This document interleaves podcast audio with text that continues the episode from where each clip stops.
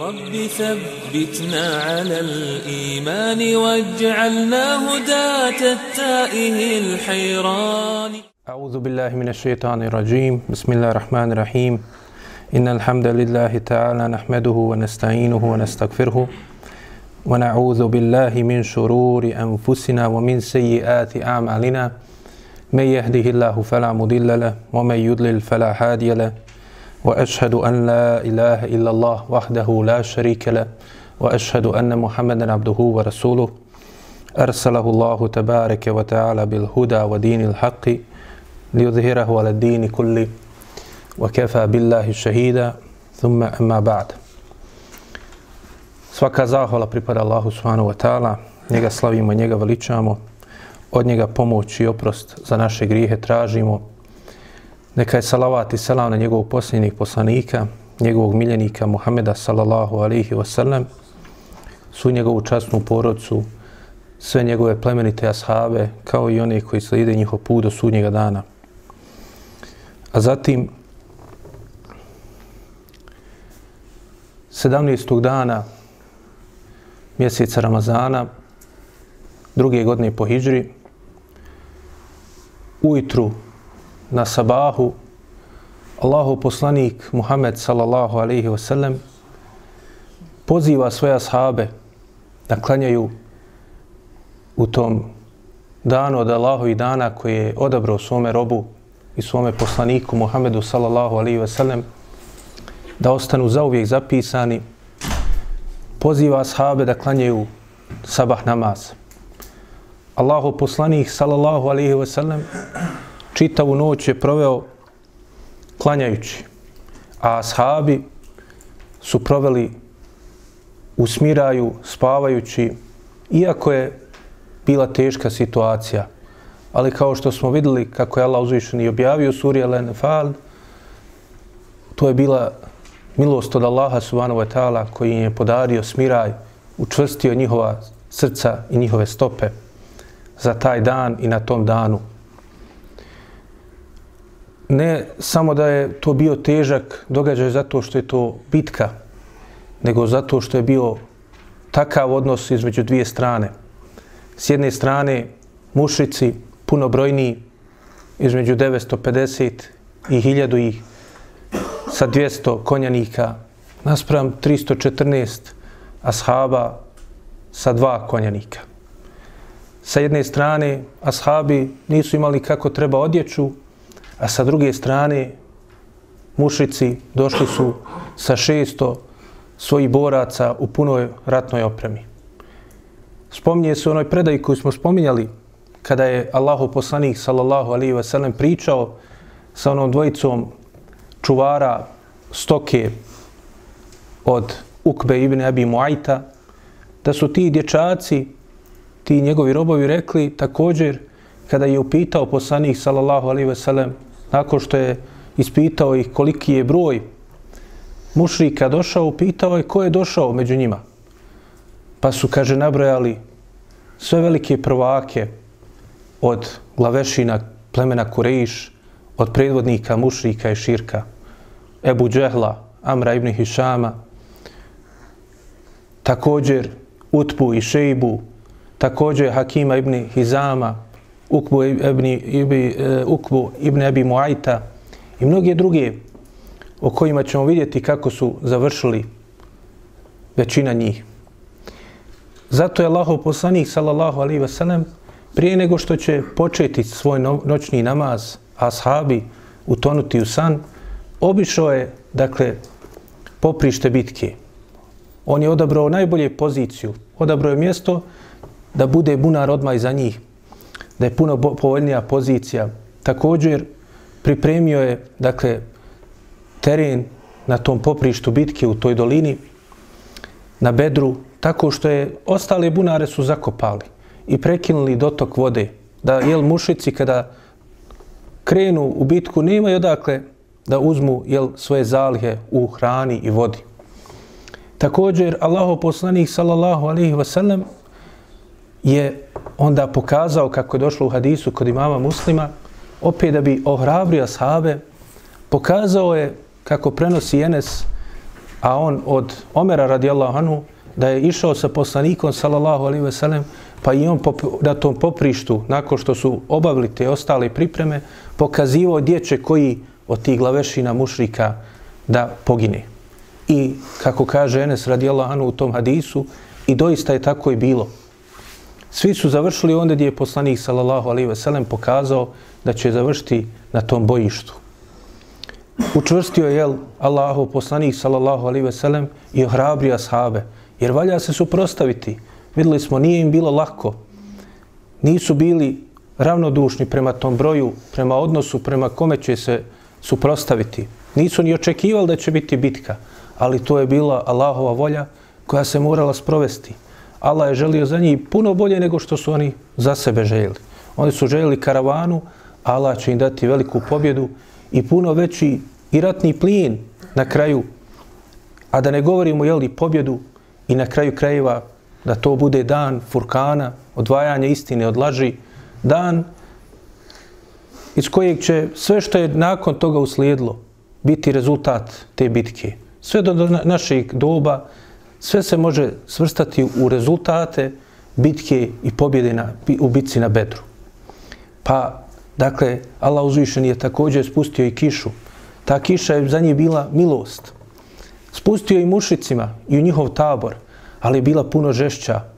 I pozicija koju su oni izabrali, to im je otežalo, pogoršalo, dakle, mjesto gdje su boravili. Za razliku od mjesta gdje su ashabi bili sa Allahovim poslanikom, učinila im je to mjesto prijatno, ta kiša, ta blaga kiša koju je Allah uzvišeni spustio. Kao što spominje ima Mahmed u svome musnedu od Ebu Talhe, jednog od ensarija, kaže, bio sam na straži i držao sam sablju. Pa kaže, kada je Allah uzvišen ispustio san, a nikome jel, od njih nije bilo do sna u takvoj situaciji, sutra ujutru valja u veliku bitku. Pa kaže, ispadala mi je više puta sablja iz ruke i padao sam u san i budio se. Dakle, čak i on kao takav, jel, Allah uzvišeni mu je spustio, dakle, smiraj i san. Također, Alija radijallahu anhu spominje također u hadisu kod imama Ahmeda u njegovom musnedu, kao i kod Ibn Hibana u njegovom sahihu, kaže Allaho poslanik, sallallahu alaihi ve sellem, čitavu noć je proveo na namazu, dugo na seždi, doveći i spominjući Allahova imena Ja haju, ja kajum i tražeći od Allaha uzvišenog pomoć. A kaže, ostali ashabi, kaže, svi su spavali. Tako su jel, osvanuli, dakle, Allahovom milošću, kao što kaže Ibn Ketir, u tefsirovi ajeta, u suri Lenfal, to je bila Allahova milost, blagodat njima, dakle, da se jel, što spremniji, što svježiji dočekaju bitku. Pa kaže Allahu poslanik sallallahu alejhi ve sellem kada je pozvao na namaz, svi su požurili, a još je kišica se spuštala.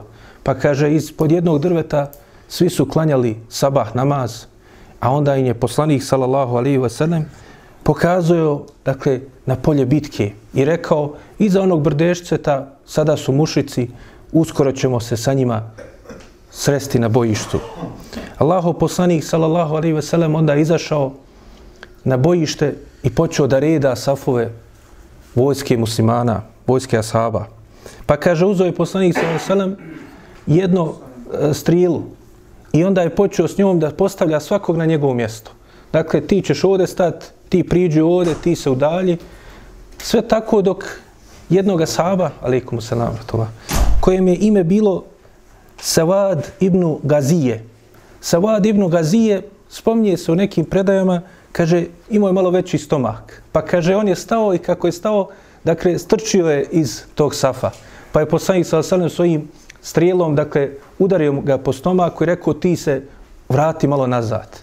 A ovaj ashab, radi Allahu anhu, rekao je Allahom poslaniku, sallallahu alaihi ve sellem, čudnovatu rečenicu. kaže, Allaho poslaniće, kaže, ti mene udari, želim da ti uzvratim. Dakle, traži odmazdu. Pa kaže Allaho poslanik, sallallahu alaihi ve sellem, nije problem. Zadigo je svoj ogrtač i pokazuje na svoj stomak i rekao udri. A onda ovaj ashab, radijallahu anhu, prišao je Allahom poslaniku i poljubio njegov stomak. Pa kaže, upitao ga je Allaho poslanik, sallallahu alaihi ve sellem, kaže, zašto si to uradio? Pa kaže, želim da zadnje što bude na ovom dunjalku bude to što sam dodirnuo tvoje mubarek, plemenito tijelo, Allaho poslaniće.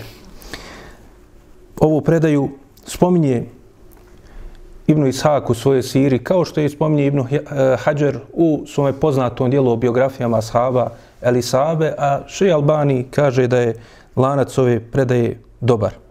Pa dakle, Allaho poslanik, sallallahu alihi wasallam, je na kraju se također spominje da je onda proučio dovu za ovog plemenitog ashaba, radijallahu anhu. Nakon toga je poslanik, sallallahu alaihi veselem, rekao ashabima, kako je došlo u hadisu i kod imama muslima u njegovu sahihu i kod imama Ahmeda u njegovom usnedu, rekao i naredio ashabima da niko se ne pomira dok ino ne kaže. Dakle, svi da ostanu na tim mjestima na kojim je on rasporedio. Također, nakon toga im je rekao da kada je rasporedio tako što će među njima biti oni koji će imati koplja, a oni koji će imati sablje, jer nisu imali drugog oružja, nikakvi oklopa, nikakve druge opreme vojni. onda je rekao ovima koji su bili sa kopljima da oni ne započinju, nego da sačekaju da dođu mušici prema njima, da priđu. Pa onda da kaže prvi napadnu oni sa kopljima, bace koplja na njih i da ispale svoje strijele i svoji lukova, a onda da ostali ashabi navale sa svojim sabljama nakon toga. Kao što je došlo jel, u hadisima, također e, kod imama Buhari, kao što je došlo i u sunanima kod Ebu Davoda i drugih, dakle, u ovom značenju hadisi, koji pojačavaju i potvrđuju ovo značenje međusobno. Pa kaže se u tumačenju ovoga, kaže, to je zato što je Allah poslanik, sallallahu alaihi sellem izabrao da strateški, dakle, ne dođe do bespotrebnog, dakle, e, korištenja i lukova i strijela koje nisu imali puno. Jer ako ovi budu mušici daleko, onda ako oni još u početku počnu to bacati, do njih neće doći i onda će izgubiti to malo vojne opreme što su imali. Nego da mudro sačekaju dok oni dođu i da ih onda iznenade. Pa kada ih jel napadnu sa time, onda će ovi ostali asabi da navali sa sabljama, a ovi će biti jel u tom stanju, dakle, e, nesigurnosti i izgubljenosti, pa će onda lakše i da ih i savladaju. Kao što je na kraju i bilo. Nakon toga vojska mušička se spustila također dakle, na tu, u tu dolinu, na to bojište. I poslali su, kako se spominje, e, u hadisima, dakle u historiji prije svega kod Ibnu Hišama se spominje dakle, da je mušička vojska poslala jednog od svojih predvodnika Umeira ibn Vehba El Džumehija da ispita dakle, kakav je e, količ, kakva je snaga Allahov poslanika i njegove shaba, kakvom opremom raspolažu, kako su rasporedili svoju, dakle, svoje snage na bojištu. I onda je on, kao što je to i bio običaj inače u tom dobu u ratovanju, dakle, izašao sa, dakle, jednom, dakle, izvidnicom i onda su oni, dakle, on na svome konju brzo je prošao kroz bojište i onda pogledao koje sve, dakle, došao koliko ima ih, kakva im je oprema i tako dalje. Također je obišao okolo i pogledao i razgledao da li ima dakle, neki zamki da su postavili. Kada je sve to pogledao, onda je ovaj mušrik u ovom momentu još uvijek mušrik, a vidjet ćemo šta se desilo sa njim nakon bitke. Dakle, onda je se vratio mušicima i rekao, kaže, nisam vidio da ih ima puno. Ima i, kaže, 300 još nekoliko desetak manje ili više. Dakle, vrlo precizan broj je spomenuo. Nema i neke posebne opreme, samo svoje sablje. Nikakve zamke nisu postavili. Ali ono što sam vidio kod njih me je, kaže, prepalo. Kaže ovaj, u tom momentu mušrik, mušrik kaže, vidio sam, kaže, Belaja tahmilu el menaja. Kaže, to jeste, mušici su imali u predislamsku dobu i svoga sujevjerja, da su stavljali jednu, dakle, devu pored mezara njihovog nekog umrlog, da ona umre zajedno sa njim. Dakle, ostavili bi je svezali bez hrane i pića, sve dok ne umre pored tog mezara, kao da ona posle jel, može nositi tog mrtvog u tom njihovom jel, neispravnom e, vjerovanju koje su imali u džahilijetu. Pa kaže, videli smo, vidio sam, kaže, te, kaže, dakle, deve koji su se zvale Belaja, kaže, be, od, to je množina od riječi Belije, kaže, kako nose menaja, to je mrtve. I kaže, vidio sam, kaže, da tegleće, kaže, deve iz Jesriba, to je Medine, nose, kaže, mrtve. Kaže, o Kurešije, kaže, vidio sam ljude kako stoje, kaže, ništa ne govori, kaže. Pa kaže, da bi vi došli do bilo koga od njih, oni će morati ubiti neki od vas. A ako vas, mnogi od vas pobiju, onda neće biti više hajrli života koji ste imali dotad. Pa kaže, vi vidite, vidite šta ćete uraditi. Kada je to čuo Hakim ibn Hizam, jedan od, dakle, tih glavešina mušrika u tom momentu, kaže se da je onda otišao Utbi ibn Rabiji, jednom jel, od glavešina i glavnih među svima njima. I rekao mu, kaže, ti si bio u savezništvu sa Amrom e, ibnul Hadramijom. Pa kaže, ona jel, koji je prethodno ubijen u pohodu kod Nahle od strane vojske Abdullah ibn Đahša, prvi mušrik koji je ubijen u borbama. I oni su, kao što smo spomenuli, došli jel, da traže dakle, osvetu za njega. Pa kaže, hoćeš li ti, reče Hakim Utbi, kaže, hoćeš li ti da imaš slavu u ovom danu, da te nikada ne zaboravi, da uradiš nešto veliko. Pa je on upitao šta to? Pa kaže, ti si bio njegov saveznik, međusobno ste se štitili. Zašto ti ne bi platio krvarini umjesto njega i da se ova vojska vrati? Zašto nam treba da mi se suprostavljamo sada Muhamedu i njegovim ashabima? Pa kaže se dalje da je, dakle, kako je ovo došlo također u istoriju, u istoriji e, Ibnu Hišama, kaže se da je onda on se složio s tim, ali je rekao, vidite gdje je Ebu Džehl, zovnite ga. To jeste kako je on govorio, gdje, vidite gdje je Ibnu Hanzala, kako je bio drugi nadimak koji su oni koristili za Ebu Džehla. Ne želi da dođe do razilaženja bez njega. Dakle, mora on biti prisutan. I onda kada je doveden, onda je ustao Utbe ibn Rebija i obratio se. I rekao, rekao je onda tada uh, Utbe ibn Rebija, kaže, zašto nam ovo treba? Zašto smo došli? Je li zbog Amra ibn Hadramija? Ja ću platiti umjesto njega. Šta nam treba da se suprostavimo Muhamedu i njegovim ashabima? Ako i, kaže, mi pobjedimo, kaže, onda nećemo ništa posebno ostvariti. Opet će nam ostati ta gorčina koju osjećamo. I oni će, ostaće neki od njih opet. Ono što mrzimo i dalje će ostati. A ako oni nas pobjede, onda nam još gore će biti zbog toga. Kaže se da je onda, kaže Ebu Džehl, ustao i počeo ponovo, kako smo videli prethodno, kada su jeli, oni iz Benu Zuhre otišli, opet je posticao ih. Dakle, treći put, i kada je Ebu Sufjan i javio da je spasla se karavana, pa on opet ustraju i insistirao da se nastavi i kada se vratilo 300 boraca iz Benu Zuhre i opet sada kada ovi, dakle, glavešine i velikani među njima postiću i da ostave borbu, da ne idu u borbu. Kao što je došlo čak u hadisu da je poslanik sa Selem, dakle, upitao, kako briješ ima Mahmed u svojem usnedu, upitao je, e, dakle, ashabe, kaže, ko je onaj na crvenoj devi? Onaj, kaže, ako njega poslušaju, dobro će postupiti. On bi mogao imati veliku ulogu u današnjem danu. Pa je onda Hamza pogledao u njega i prepoznao ga i rekao, to je Utbe ibn Rabija, Allahov poslaniće. Dakle, poslanik sallallahu alejhi ve sellem bio obaviješten da će nešto slično, dakle Allah uzvišeni ga je obavijestio da će nešto slično Utbe ibn Rabija dakle da pokuša. No međutim Ebu Džehl je dakle e, počeo da vrijeđa Utbu i govorit mu, kaže, ti se prepao zato što si vidio Muhameda i njegovu vojsku, čak šta više ti se bojiš zbog svoga sina Ebu Huzeife. A Ebu Huzeife je sin Utbe ibn Rabije. Dakle, poznati ashab koji smo spomnjali da imao oslobođenog roba Salima, Mevla Ebi Huzeifu. Dakle, on je bio jedan od prvih muslimana i bio je sin Utbe ibn Rabije. Pa kaže, ti zato to želiš da spriječiš ovu bitku. Dakle, već si star, kaže, vjerovatno se prepao. Ušao je u te u kavičluk.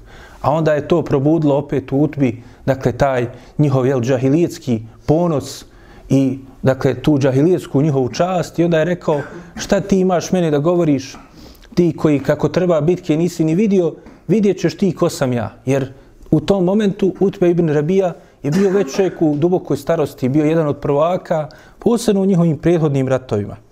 I također se spominje da je onda Ebu Džehl još zovnuo Amira, brata od Amra el Hadramija i rekao mu, Amir, evo hoće da vrati, da zaborave krv tvoga brata i osvetu za njega. Pa kaže, uradi nešto, kako obilježi Ibn Hišam u svoje siri, kaže, i onda je ovaj ustao i počeo da, kuk, kuče, da kuka i da govori kako je bio običaj, dakle, u, u njihovom vremenu, dakle, da se govori, dakle, u riječima va amra, va amra, to jeste o amre, da ga doziva i da kuka i da viče time, kaže, evo, ne želi, dakle, da se sjete tvoje krvi. Što je onda kod ostalih mušrika ponovo udahnulo, dakle, njihov borbeni duh. I odlučili su, dakle, da nastave prema bitci. Spomnije se, dakle, kao što ćemo vidjeti, Utpe ibn Rabija, nakon što je, iako, iako je bio, dakle, mudar i shvatio da ne bi trebalo doći do borbe, trebalo odustati, da će on biti među prvima ubijenim. A Hakim ibn Hizam, koji ga je savjetovo, Allah će dati poslije da preživi ovu bitku i da onda poslije u godini oslobođenja Mekke primi islam. Pa se spominje da je poslije Hakim ibn Hizam, kada bi se htio sa nečim, dakle, da zak, eh, zakletu donese u nekoj važnoj stvari, onda bi govorio, kaže, tako mi onoga koji me je spasio na dan bedra. To jeste Allah koji ga je spasio, dakle, da nije propao zajedno sa ostalim, dakle, predvodnicima mušrika. I kaže se da je Hakim ibn Hizam, dakle, u širku i kao mušrik živio 60 godina. A da je 60 godina, dakle, drugu polovicu svog života koja je trajala 120 godina, kaže, živio kao musliman. Dakle, nakon što je primio islam, Allah je dao da je poživio još 60 godina. Allahu poslanik, sallallahu alaihi ve sellem, kada je ugledao te mušrike, kako je došlo u hadisu kod ima, imama Ahmeda u Musnedu, onda je uputio dovu Allahu uzvišenom. Allahu moj, kaže, evo onoga, evo naroda mušičkog, evo Kurejšija, kaže, došli su u svojoj konjici, u svojoj svojoj slavi, kaže, tebi se suprostavljajući Allahu, utjerujući tvoga poslanika u laž, kaže, Allahu moj, ispuni ono što si mi obećao, Allahu moj, kaže, pomozi, pomozi, pomozi nas. Dakle, time je Allahu poslanik sallallahu alaihi ve sellem počeo, dakle, ovu bitku. Nakon toga se spominje da je prvi koji ubijen bio u toj bitci jedan od mušrika. Spominje se da je jedan od njih, dakle, da bi pokazao koliko je on, dakle, da pokuša da stekne veliku slavu u tom momentu, e, izašao je dakle, da se suprostavi muslimanima i kada je pogledao kako su ti bunari zakopani putevi, dakle, e, za vodu zatvoreni i uništeni, onda je rekao, kaže, kunijem se, donio je zakletvu i rekao, kaže, kunijem se, ili ću, kaže, ja doći do njihove vode i napiti se iz te njihovih o, vode, ili ću, kaže, e, uništiti taj njihov izvor ili će me ubiti pokušavajući ja da to uradim. I onda je protiv njega izašao Hamza ibn Abdul Mutalib i suprostavio mu se. Ovaj mušik se zvao El Esved ibn Abdul Esed El Mahzumi, brat od Ebu Salemi, Abdullaha ibn Abdul Eseda, brata Allahov poslanika sallallahu alejhi ve sellem po mlijeku. I dakle u tom momentu supruga E, od Umu Seleme koja će poslije nakon što preseli dakle Ebu Seleme, onda će ona da se uda i postati dakle, supruga Allahovog poslanika, sallallahu alaihi ve sellem, i majka vjernika. Pa se kaže da je Ebu Hamza, e, da je Hamza radijallahu anhu se suprostavio ovom mušiku i zaustavio ga. Pa kaže, uspio je svojom sabljom da mu osjeće potkoljenicu. A ovaj nastavio dakle, da, da, da, da pokušava da dođe do njihove izvora. Dakle, nije odustao u svome naumu. I onda ga je da kraju Hamza radijallahu anhu dokrajčio. Tako da je on bio prvi koji je ubijen dakle, od mušrika. Nakon toga su mušici zatražili da dođe do dvoboja. Kakav je bio običaj u tom vremenu prije početka bitaka, da se jel, najodabraniji borci međusobno ogledaju u dvobojima. Pa su izašla trojica predvodnika i glavešina plemena Kuriš. Spomenuti Utbe ibn Rabija, njegov brat Šejbe ibn Rabija i također Ervelid ibn Utbe. Dakle, ta trojica su izašla i željela su dvoboj. Pa kaže, izašla su trojica Ensarija da im se suprostavi. To su bili Abdullah ibn Ravaha, kao i dva sina od Harisa, a to su Auf i Muaz, a u nekim predajama je došlo da je to bio treći njihov brat Muawiz. E, sinovi, dakle, Harisa, radijallahu anhuma, e, dakle, od Ensarija. Kada su ugledali ova trojica glavešina mušika, ovu trojicu od Ensarija, koji nisu poznavali, rekli su, ko ste vi? Pa su ovi rekli i predstavili se ko su, da su od Ensarija. Rekli su, kaže, mi nema potrebe za vama. Niste vi nas dostojni. Mi želimo onoga koji nama dostojan. Mi želimo oni koji su od našeg soja, od našeg naroda. Pa je, kaže, poslanik, sallallahu alihi wasallam, onda, kako je došlo u predajama kod imama Ahmeda i drugi, dakle, prozvao trojicu ashaba. I ne bilo koji ashaba, nego oni koji su bili mu među najbližima i po porijeklu i po primanju islama, dakle, među najodabranijim ashabima. I rekao je poslanik, sallallahu alaihi ve sellem, ustani o Ubejde ibn Harife, ustani o Hamza i ustani o Alija, radijallahu anhum. Dakle, pozvao je svoga Amidžu Hamzu ibn Abdul Mutaliba, pozvao je i Ubejdu ibn Haritha, sina Abdul Mutaliba, to jeste, pozvao je svoga Amidžića, dakle, sina od njegovog Amidže El Haritha, i pozvao je svoga treći, treći od njih je bio također njegov Amidžić, a to je Alija, sin Ebu Taliba, Allahovog, Amidže Allahovog poslanika, sallallahu alaihi ve sellem. Kada su njih ugledali, dakle, ovi predvodnici mušrika, onda su bili zadovoljni sa njihovim odabirom. Dakle, kada su vidjeli ko su oni i da su od tog najboljeg porijekla, rekli su, vi ste dostojni nas. I onda je došlo do dvoboja među njima. U ovom hadisu kod imama Ahmeda i drugih spominje se da je Ubejde se suprostavio Utbi, a da je Hamza se suprostavio Šejbi, a ta, da je Velidu se suprostavio Ali radijallahu anhu. U drugoj predaji kod Ebu Davuda, za koju učenjaci kažu da je jačeg, dakle lanca prenosilaca, spominje se da je Ubejde se suprostavio Velidu, a da je e, Alija se suprostavio Šejbi, a da je Hamza se suprostavio e, dakle Utbi. Uglavnom, u ovoj poznatijoj predaji se kaže da su onda vrlo lahko, dakle, Hamza i Alija savladali svoje protivnike. Dakle, uspjeli su da ih lako savladaju. Hamza Šejbu, a Alija Velida.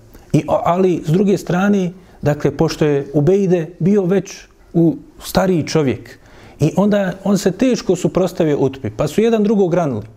Čak Utbe je uspio da osjeće nogu, dakle, e, Ubejdi i onda su, kaže Alija i Hamza priletili mu u pomoć i onda do, dokrajčili utbu. Tako da su ova trojica, jel, sve trojica poraženi, dakle i bili među prvima koji su bijeni od mušrika, uključujući jel, utbu, koji je samo malo prije toga pozivao i mudro govorio da ne treba ovo što doći do te bitke, ali nažalost završio je zbog svega onoga što je radio na kraju, dakle kao jedan od onih koji su propali i uništeni na danu Bedra, danu bitke na Bedru. Kaže se da je nakon toga Ubejde, pošto je bio jako ranjen, jer mu je e, krv lila iz te rane, da je, kaže, onda u povratku u mjestu Safra, dolini koju smo spominjali da je poš, prošao poslanik sa srna u blizini Bedra, dakle da je tu on preselio radijallahu Anu i tako da je on jedan od 14 šehida bitke na Bedru. Nakon toga treba isto napomenuti da je Alija radijallahu anhu, kako je došlo u Buhari i Muslimu, a i također se to prenosi i u drugim uh, hadisima uh, kod Buhari i Muslima od Ebu Zara, govorio da, da je ajet e, iz sure Hajj, 19. ajet, u kojem se kaže Hadani hasmani ihtesamu fi, e, ihtesamu fi rabbihim, kaže ove dvije skupine su se raz, razišle i raspravljale o svome gospodaru, da se odnosi na ovaj duel. Iako, kažu mu Fesiri, ovaj ajet je objavljen, dakle, prije u Mekki. Ali to što kažu, dakle, i Ali radijallahu anhu i Ebu Zer i još mnogi drugi mufesiri to uzimaju kao, dakle, stav po pitanju ovog ajeta, kažu, dakle, ulazi u značenje ovog ajeta. Dakle, da ovaj ajet u njegovo značenje ulazi, dakle, ono što se desilo, dakle, u ovom duelu između predvodnika, dakle, mušrika i trojice najodobranijih, dakle, među najodobranijim ashabima. Ibnul Kajim, radijallahu an, eh, rahimahullah, spominje u svome dijelu Zadul Mead lijepu korist iz ovoga duela, pa kaže Allah uzvišeni kada pogledamo imena ovih učesnika, dao je da bude, dakle, baš kakva su im bila imena. Pa kaže, pogledajte imena ove trojice, dakle, predvodnika mušrika. Dakle, Utbe, Šejbe i El Walid. Kaže, kao što Allah uzvišeni kaže u Kur'anu, ka, Allah uzvišeni kaže, kaže, Allahu ladhi khalaqakum min da'fin thumma ja'ala min ba'di da'fin quwwa thumma ja'ala min ba'di quwwatin da'fan wa shayba. Allah uzvišeni spominje dakle u Kur'anu kako je čovjekov život se odvija, kako je došlo u ovom ajetu u suri Rum.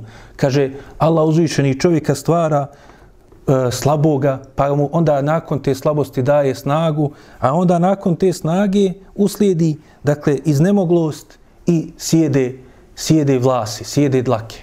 Pa kaže, Ibnul Kajim kaže, pogledajte imena ovih. Dakle, jednom od njih ime je Šejbe. Dakle, sjedi.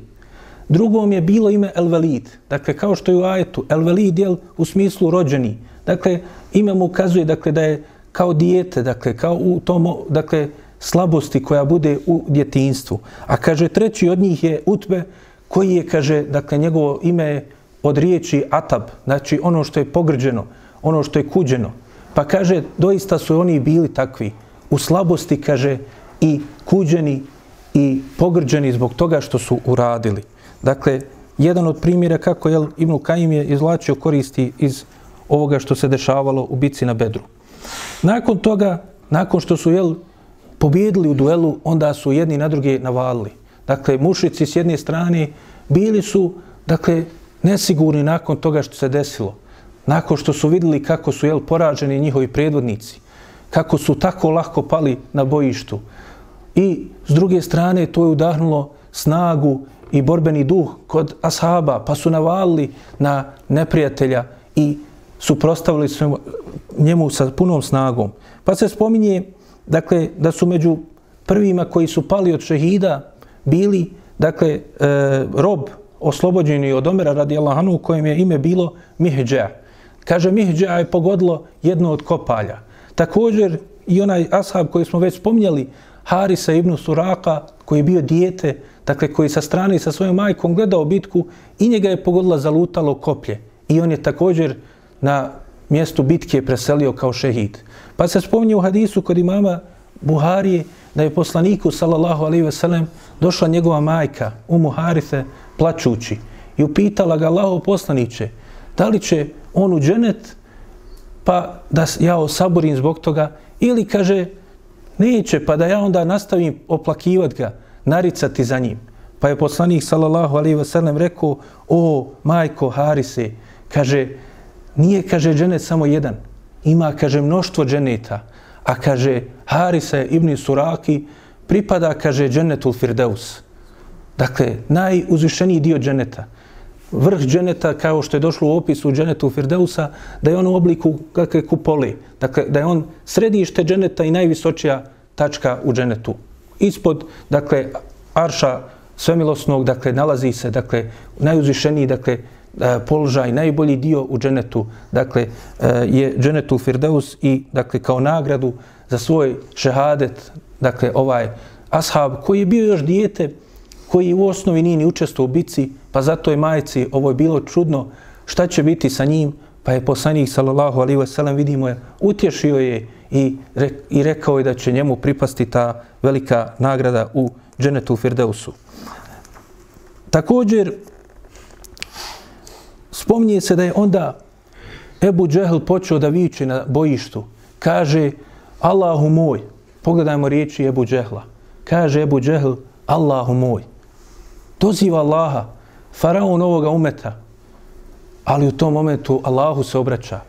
Gdje su ostali taguti i faraoni da zamole Allaha uzvišenog? Dakle, za razliku od onog pravog faraona, ovaj ne kaže za sebe da je Bog. On vjeruje Allaha. Pa kaže Allahu moj, kaže oni su prekinuli rodbinske veze sa nama, došli sa onim što mi ne znamo. Pa kaže Allahu uzvišeni, daj da onaj koji je tebi bolji, kod tebe bolji, koji je tebi bliži, da on pobjedi. daj nam, misleći da će oni pobjediti, daj da mi pobjedimo, ali na ovaj način je dobio. Pa kaže, nakon toga Allah uzvišen je objavio ajet iz sure El-Enfal po eh, 19. Ajet u kojim Allah uzvišen i kaže, kaže, in testaftihu faqad ja'akumul fet. Kaže, vi ste tražili, pa došla vam je pobjeda. Kaže dalje Allah uzvišeni, wa in tentehu fe huve hajru lekum. Kaže, a ako vi odustanete, ako ne nastavite kako ste krenuli, bolje je za vas. Wa in ta'udu na'ud, volen tugni ankum fijetukum še'a voleu kethuret. A ako, že, ako se vi vratite i ustrajete u tome na čemu ste, i mi ćemo se vratiti i neće vam vaša skupina koristi makoliko ona brojna bila. Jer kaže Allah uzviše na kraju wa anna Allaha ma'al mu'minin. Jer Allah je doista sa vjernicima.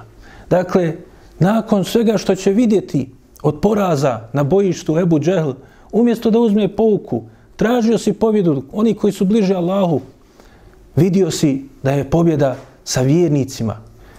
Porazili su vas i poražavaju vas. Imaš još šanse da se pokaješ, ostaviš toga na čemu si. Allah ti daje znak odgovarati na tvoju dovu, iako si mušrik, ali imaš priliku, ali prihvati istinu. Ali teško je prihvatiti istinu, posebno kada se tako ustraji u svome zlu i nepravdi. Pa nakon svega toga kaže se, jel, onda je na istini i na jasnom dokazu, kako smo prošli put ispominjali jedan od ajeta koji je objavljen, dakle, propali su, svi koji su od njih propali, na jasnom dokazu videli su znakove i odgovore za sve ono što su tražili.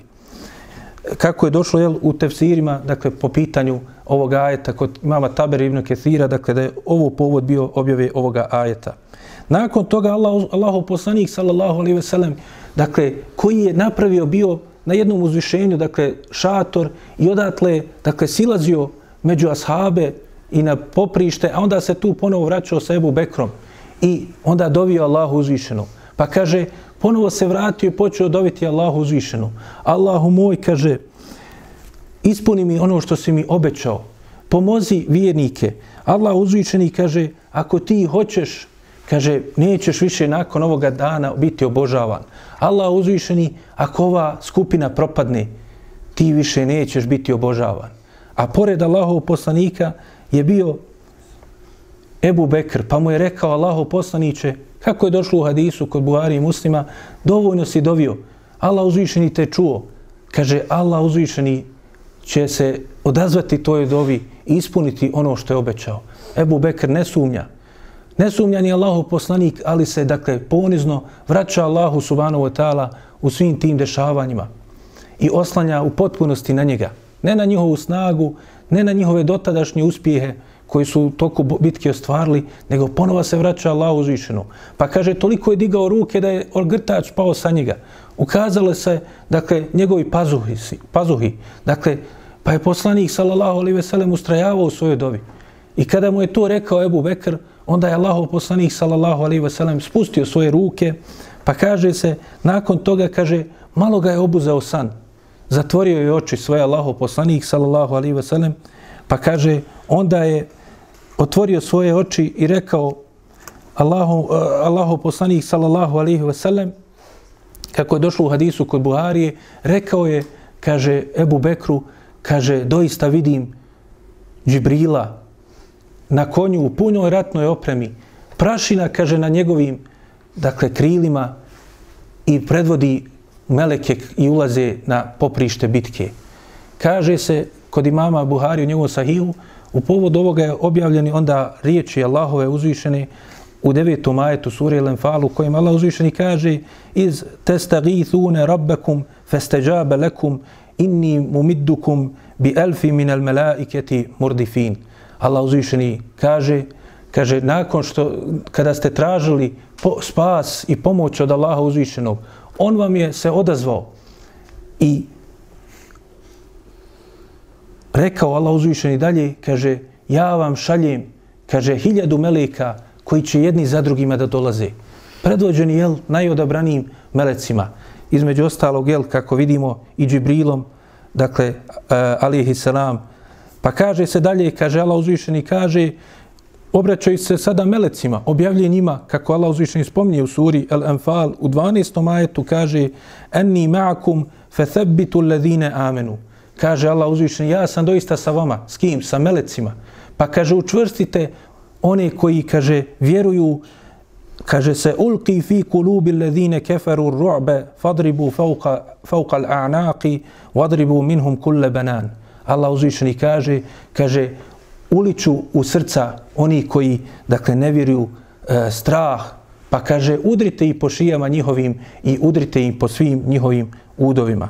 I onda su, dakle, meleci navalili, Allahov poslanik, sallallahu alaihi ve sellem, tada je proučio drugi ajet iz sure El Kamer, u kojem Allah uzvišeni kaže u 45. ajetu se juhzemul džem'u vo juvellu dubur.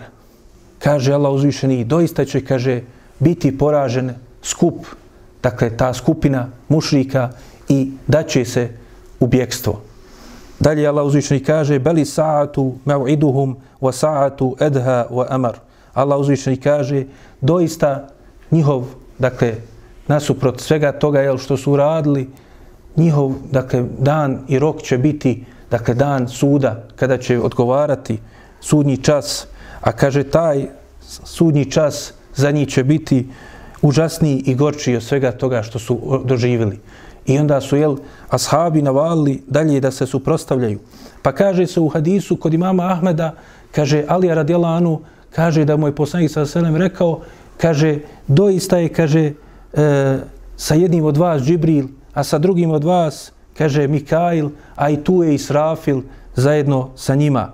Pa kaže se da je Allah uzvišeni, dakle, poslao, dakle, hiljadu melika, kako vidimo u ovom ajetu. U suri Alu Imran došli su ajeti koji spominju bitku na Bedru u kontekstu bitke na Uhudu, u kojoj se spominje 3000 i 5000 melika. Pa kažu mu Fesiri, ima razilaženje među njima, kako spominje Hafiz ibn Kethir, da li se to odnosi na bitku na Bedru ili bitku na Uhudu. Jer kaže se u tim ajetima وَلَكَدْ نَصَرَكُمُ اللَّهُ بِبَدْرٍ وَأَنْتُمْ أَذِلَّ Allah uzvišeni vas je pomogao u bitci na Bedru, a bili ste malobrojni. E, Fettakullahe lalekum teškurun, Allah, e, bojte se Allaha da bi mu bili zahvalni. In id tekulu lil mu'minine, elen jekvijekum en yumiddekum rabbukum bi thalathati, ala, uh, thalathati alafi min al malaiketi munzilin, munazzilin. Kaže Allah uzvišeni, kaže, uh, kad si rekao vjernicima, da li vam je dovoljno ako Allah uzvišeni vas pomogne sa 3000 melika koji se spuštaju. I onda se poslije spominje i 5000 e, melika. Pa kažu jedni u Fesiri to se odnosi na bitku na Uhudu. Drugi kažu na bitku na Bedru. E, ono što je, dakle, se spominje u tom značenju, neki su pokušali da spoje, kako se spominje od Rabije ibn Enesa, dakle, kaže ovaj ajet prvi u suri Al-Enfal, ne znači, dakle, da je bilo samo hiljadu. Jer kaže se hiljadu koji će jedni za drugima dolaziti. Dakle, nije e, ciljan direktno broj hiljadu. Nego prvo su bilo hiljadu, pa kad je došlo za njima, dakle, tri hiljade, pa je onda na kraju došlo pet hiljada. E, drugi mu fesiri, dakle, spominju, dakle, da se odnosi to, jel, na, e, na bitku e, na Bedru. E, Hafiz ibn Hajar kaže na osnovu onoga što ima Buharija u svome, dakle, sahihu po pitanju ovih ajeta spomenu od hadisa, kaže, kaže, imam Buharija je smatrao da su ovi ajeti odnosi na bitku na Bedru, a samo početak kazivanja, dakle, tog odlomka u suri, e, dakle, e, Alu Imran i kraj njen se odnosi na bitku na Uhudu. E, to jeste da se odnose 121. i 128. ajeti iz suri Al Imran, da se odnose na bitku na Uhudu. E, Šej Husemin, Allah najbolje zna, dakle, je spomenuo e, jedan detalj koji možda neki od njih su predvidili, dakle, koji pojašnjava, opet vraćajući se na tumačenje, dakle, ovih ashaba, koji kažu da se odnosi na bitku na Uhudu, kaže, dakle, ovde u kontekstu ovih ajeta je spomenuto, dakle, uvjetno, da će Allah uzvišeni poslati meleke. To je da će na Uhudu poslati meleke e, ako ispune određene uvjete, e, dakle, ashabi. Jer Allah uzvišeni kaže, in tasbiru, vateteku, Allah uzviše, dakle, uvjetuje, kaže, ako, dakle, osaburite i budete se uščuvali. A kao što ćemo, inšala, i vidjeti u bitci na Uhudu, oni nisu ispunili ono što je trebalo, nisu osaborili oni koji su se nalazili na brdu strijelaca, pa Allah uzvišen da nije poslao ove meleke. Tako da Allah najbolje zna, dakle, bilo je hiljadu meleka, a ovaj drugi ajet se odnose na bitku na Uhodu, koji dakle nisu poslani zato što ashabi nisu svi ashabi ispunili ono što su trebali. E, dalje se kaže da su da je Allahov poslanik sallallahu alejhi ve sellem kada je vidio da dolaze i meleci, kada je dakle vidio da Allah uzvišeni šalje svoju pomoć, onda je još više postakao sahabe na borbu. Što je s druge strane mušike, dakle još više zaprepastilo. Dakle ponovo je e, postakao da krenu u borbu. Spominjali smo slučaj Umeira ibn Humama, da je poslanik sallallahu alaihi ve sellem rekao mu, požurite, dakle, to jest da je on čuo kako Allah poslanik sa svem govori, požurite ka dženetu čije je prostranstvo poput prostranstva nebesa i zemlje. Pa je on požurio. Pa kaže se, uh, dakle, da je onda također rekao u riječima behin, behin, to jest u prevodu ili uh, uh, ili eh, eh. Pa je poslanik sa svem upitao zašto to govoriš? Pa kaže, da li ja mogu imati to Allaho poslaniće? Da li, da li ću ja imati taj dženet? Pa je rekao, zašto da ne? Umire. Pa onda je on koji je u tom momentu imao neke datule koje je htio da pojede, iako je bio Ramazan, kako smo rekli, dakle, to ukazuje da nisu postili, dakle, onda je pogledao te datule u svojoj ruci i onda je rekao da, kaže, pojedem ove datule, predug je život da živim, naspram jel dženeta koji me čeka, i dženetskih plodova. Pa kaže, bacio je one datule i navalio na mušike sve dok nije preselio kao šehid i za njega se spominje da je on dakle bio taj prvi koji je pao kao šehid. Iako neki spominju da je spomenuti Mihđa bio prvi od dakle ashaba koji je preselio kao šehid u bitci na Bedru. E, u tom smislu također Ibn Abdulber u svome dijelu o, as, o, o životopisu ashaba koji se zove El Istijab kaže da je proučio određene stihove ovaj časni ashab. Pa kaže se da je rekao rekden ilallahi Allahi bi gajri zadi. Kaže žureći ka Allahu bez ikakje obskrbe. Ila tuka wa amelil, wa amelil miadi. Kaže osim kaže e, bogobojaznosti i dijela za dan povratka. Također dalje je rekao, kaže, wa sabru fillahi alal džihadi, kaže, i strpljivosti radi Allaha na džihadu. Kaže dalje ovaj ashab, wa keda, kaže dalje, wa kullu zadin urdetun lil nufadi, gajre tuka wal birri wal rašadi. Kaže ovaj ashab, da su mu zadnje riječi, spominje Ibn Aluber bili, kaže, kaže svaka obskrba je podložna da nestane koliko god čovjek imao imetka, nestaće. Kaže, osim, kaže, bogobojaznosti, dobročinstva i upute.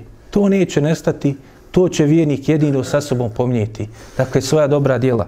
I da su to bile zadnje riječi koje je rekao ovaj plemeniti ashab. Nakon toga, Allaho poslanik, sallallahu alaihi ve sellem, ufatio je svojom rukom pregršt zemlje i počeo da gađa lica mušrika. I kaže se, govorio je Allah vam, kaže, unokazio, izokrenuo vaša lica.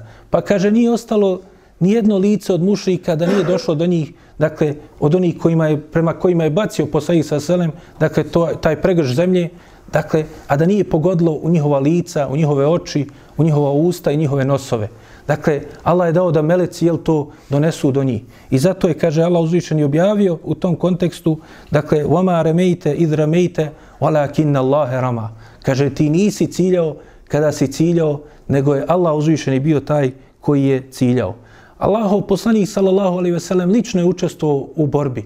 Dakle, i on je sam izašao u bojište i kako je došlo u hadisima kod imama Ahmeda, kao i kod imama muslima, kaže, govorio bi ashabima u jednom momentu borbe, da kaže, niko ne ide bez mene, ja ću vas predvoditi. I bio je među prvima, dakle, bio je u, ispred ostali ashaba, kako Alija radijallahu anhu spominje, kaže, vidio sam Allahu poslanika, da je on bio ispred svih nas, dakle, navaljujući na mušrike na bojištu, dakle, e, bitke.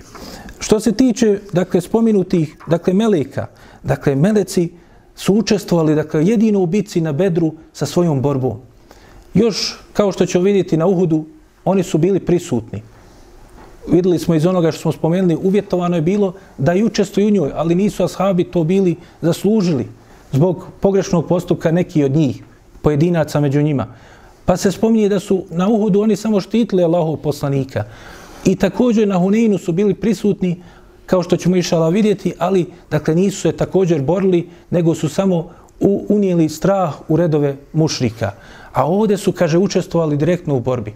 Pa kaže se u jednom od hadisa da je jedan od ashaba, dakle, kako je došlo u muslimu, uh, muslimovoj zbirci hadisa, kaže, jedan od ashaba krenuo je prema jednom mušiku i onda je čuo iznad glave fijuk. Dakle, nešto je proletilo. I čuo je, dakle, kopot, dakle, e, pokrete konja. I kako nekomu govori i kaže, e, navali o hejzum, dakle, obraćajući se svome, jel, svojoj jahalici. I onda je, kaže, ugledao mušika koji je bio ispred njega, kako, kaže, pada. Dakle, Melek je ubio toga, dakle, e, mušika. Pa se vratio poslaniku, sallallahu alaihi veselem, ovaj ashab i upitao ga, kaže, šta se to desilo Allahu poslaniće, da mu pojasni, pa kaže, to je bila, kaže, pomoć koju je Allah uzvišeni poslao sa trećeg neba.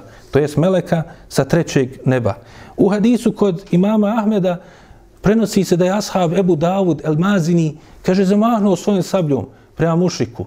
I onda je vidio, prije nego što je uspjela da njegova sablja dođe do njega, kako glava mušička pada i dakle u, gine taj mušik prije nego što ga je dodirnuo. Dakle, to jeste da ga je Melek ubio. Također, Abbas, dakle, Amidža Allahu poslanika, bit će jedan od zarobljenika u bici na Bedru, pa se spominje da je jedan od Ensarija ga doveo i rekao, ja sam ga Allahu poslaniće zarobio. Nakon što je poslanik sa selem, upitao ga koga je zarobio. Kako je došlo u hadisu kod imama Ahmeda u njegovom usnedu. Pa kaže, Abbas je rekao, kaže, nisi ti mene zarobio. Kaže, mene je zarobio, kaže, čovjek koji je bio čelav, nije imao kose, bio je lijepog izgleda, prelijepog izgleda, ali, kaže, trenutno ga ne vidim među vama. Pa je poslanik, sallallahu alihi ve sellem, rekao ovom ashabu, kaže, Allah te pomogao sa melekom, dakle, da zarobiš e, Abasa ibn Abdul Mutaliba. I, dakle, mušici su, dakle, nakon svega toga, dakle, dali se u, u bijeg, prepali se. Čak se spomni da u tom momentu onda Suraka ibn Malik, to jeste Iblis u njegovom liku, kada je sve to vidio, kada je vidio Džibrila kako se spušta, onda se i on prepao, preblijedio i onda se okrenuo i dao u bijeg. Neki su ga pokušali da zaustavi, govoreći mu, o Suraka, kaže, pa ti si rekao da si naš saveznik ovde, da ćeš nam pružiti zaštitu i pomoć. Kaže, on je govorio, kaže, vi ne znate ono što ja vidim, kaže, ja sam čist od vas, ja se bojim Allaha uzvišenog i onda je kad je pobjegao u more. Otišao je u more. I zbog toga, jel, kao što smo spomenuli, objavljene su i Allah uzvišen i spominje njegove riječi, da je nakon svega rekao inni beriju minkum, inni era mala teraune, inni ehafu Allah, inna Allahe šedidu liqab. Da je rekao, kaže, ja sam čist od vas, ja vidim ono što vi ne vidite, to jeste meleke kako se spuštaju i šta vam radi na bojištu. Ja se, kaže, bojim Allaha. Ja, kaže, znam da doista Allah uzvišeni i žestoko kažnjava. I dao se objekstvo i napustio ih na bojištu. Ebu Džehl, dakle, u tom momentu, nakon svega toga što je vidio, počeo je, dakle, da postiče opet, ne odustaje u svoga, dakle, pozivanja da se ustraje u borbi. Pa je govorio mušicima, kaže se, kaže, govorio je, kaže, nemojte gledati što su poginuli Utbe, Šejbe i Velid. Kaže, oni su bili slabi. Puste njih. Pa kaže, ovdje su Raka ibn Malik, puste su Rako ibn Malika, kaže. I on je kukavica. Nemojte obraća pažnju na njega. Nije dostojan ovog velikog dana. Nego navalite i nastavite da se borite. Ali, dakle, i on sam je bio već, dakle, svjestan da ne mogu pobijeti, ali ne odustaje. Pa kaže, okretuo se u krug sa svojim konjem, na svome konju, dakle, kružio je u krug, dakle, nije znao šta da uradi. U tom momentu, kako je došlo u hadisu, kod Buharije i muslima, spominje se da je dvojica mladića prišli Abdurrahmanu ibn Aufu. Abdurrahman ibn Auf, dakle, jedan od najčasnijih ashaba Allahov poslanika i oni koji je obećan dženet, spominje se, dakle, da je rekao u, u ovom hadisu kod Buhari muslima, kaže, gledao sam tako Ebu Džehla i onda su mi prišla dvojica mladića sa dvije strane. Jedan mi je rekao, kaže, o Amidža, kaže, pokaži nam gdje je Ebu Džehl. Kaže, okrenuo se se na drugu stranu i drugi mi je rekao, pokaži, kaže, nam Amidža, gdje se nalazi Ebu Džehl? Kaže, kaže, dječačići, šta vi hoćete sa Ebu Džehlom? Zašto ga tražite? Kaže, čuli smo da on psuje Allahov poslanika. Kaže, želimo da mu mi presudimo. Pa je onda, kaže, Abdurrahman ibn Auf, svidilo se njihove riječi, jer su rekli, želimo da mu mi presudimo ili da presilimo na putu pokušavajući to da uradimo. Pa je, kaže, pokazao prema Ebu Džehlu. I onda su ova dvojica, dakle, mladića, navalila na njega. Napale su ga i svojim sabljama su i jedan i drugi su ga udarili i pogodili dok ga nisu oborili sa njegove jahalice i onda ga, dakle, na kraju ubili. Pa su posle se vratili Allahom poslaniku, salallahu alaihi veselem, radosni govoreći, kaže, ubili smo Ebu Džehla, Allaho poslaniće. Pa je poslanik, salallahu alaihi veselem, upitao, a koji od vas dvojice ga je ubio? I jedan i drugi su rekli, ja sam ga ubio. Pa je poslanik, salallahu alaihi veselem, na kraju pogledao njihove sablje, pitao jesu li ostali tragovi, tragovi od Ebu Džehla, njegovi, dakle, krvi nad vašim sabljama, rekli su da. Kada je pogledao, rekao je poslanik sa selem, oba, oba dvojica ste ga ubili.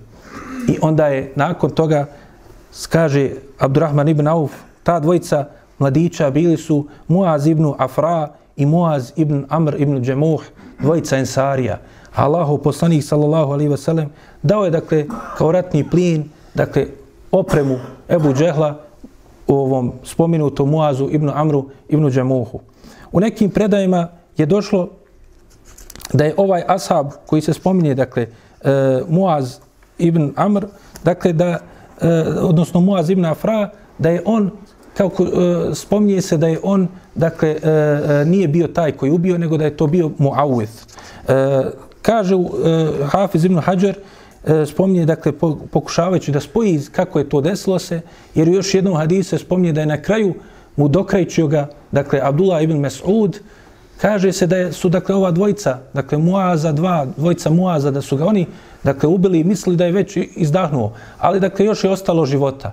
A prije toga Muawiz ga je bio također ranio.